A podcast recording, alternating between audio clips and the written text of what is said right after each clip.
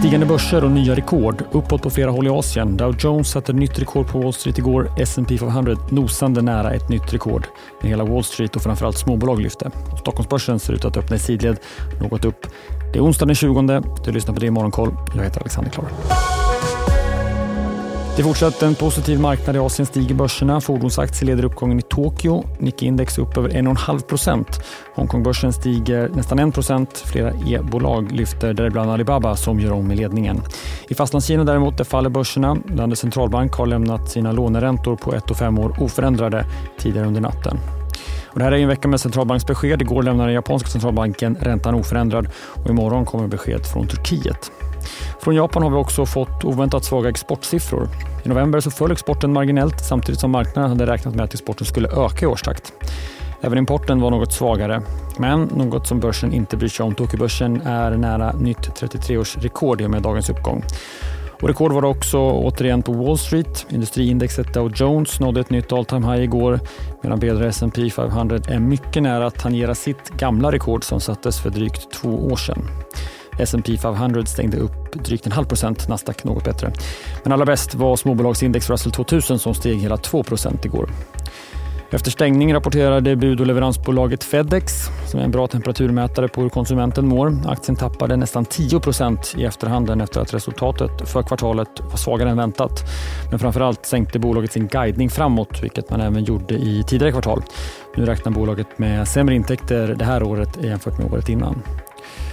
Bortom börsen så har en delstatsdomstol i Colorado dömt att den tidigare presidenten Donald Trump inte får ställa upp i primärvalen i delstaten.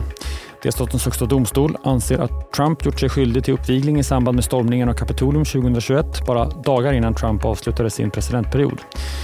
Nu har Trumps advokat redan sagt att de tänker överklaga till landets högsta domstol, men om beskedet står sig så portas Trump från att ställa upp i presidentvalet i Colorado. Flera andra delstater har påbörjat liknande processer. Sverige så. Först en rapport från börsnykomlingen Rusta. Både omsättning och resultat förbättrades i bolagets tredje kvartal och första delårsrapport som listat bolag.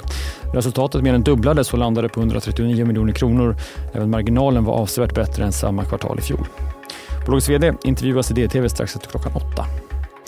Fastighetsbolaget Corems största ägare och VD Rutger Arnhult har köpt aktier i bolaget för nästan 10 miljoner kronor visar nya siffror till Finansinspektionens insynsregister.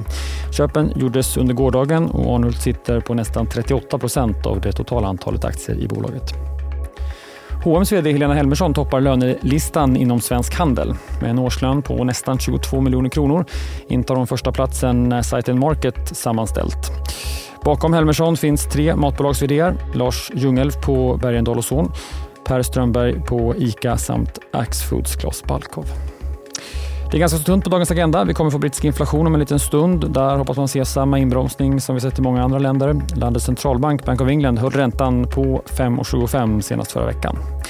Och vår svenska riksbankschef Erik Thedéen talar senare i eftermiddag klockan tre om det ekonomiska läget i Sverige. Det är nu bara tre dagar kvar av årets upplaga av Börsmorgon i DTV. Det startar som vanligt kvart i nio eller kommer som podd senare under förmiddagen. Detsamma gäller även för Börskoll som sänds klockan 14 idag. Det är Morgonkoll håller ut över hela vårt för övriga juluppehåll. Vi hörs igen imorgon. Jag heter Alexander Klar.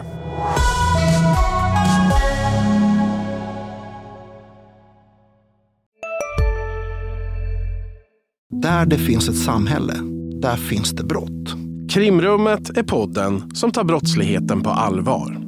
Jag bjuder in landets ledande experter och tar upp aktuella rättegångsfall för att begripliggöra den kriminalitet som kryper allt närmare. Du, alltså, du kan knäcka ett eller några gäng, men det kommer komma nya och så kan vi knäcka dem sen. Men att du ska knäcka allt forever, det kommer aldrig ske. Det är infinite game. Lyssna på Krimrummet, en podd från Expressen med mig Kim Malmgren. Hej, Ulf Kristersson här. På många sätt är det en mörk tid vi lever i. Men nu tar vi ett stort steg för att göra Sverige till en tryggare och säkrare plats. Sverige är nu medlem i Nato. En för alla, alla för en.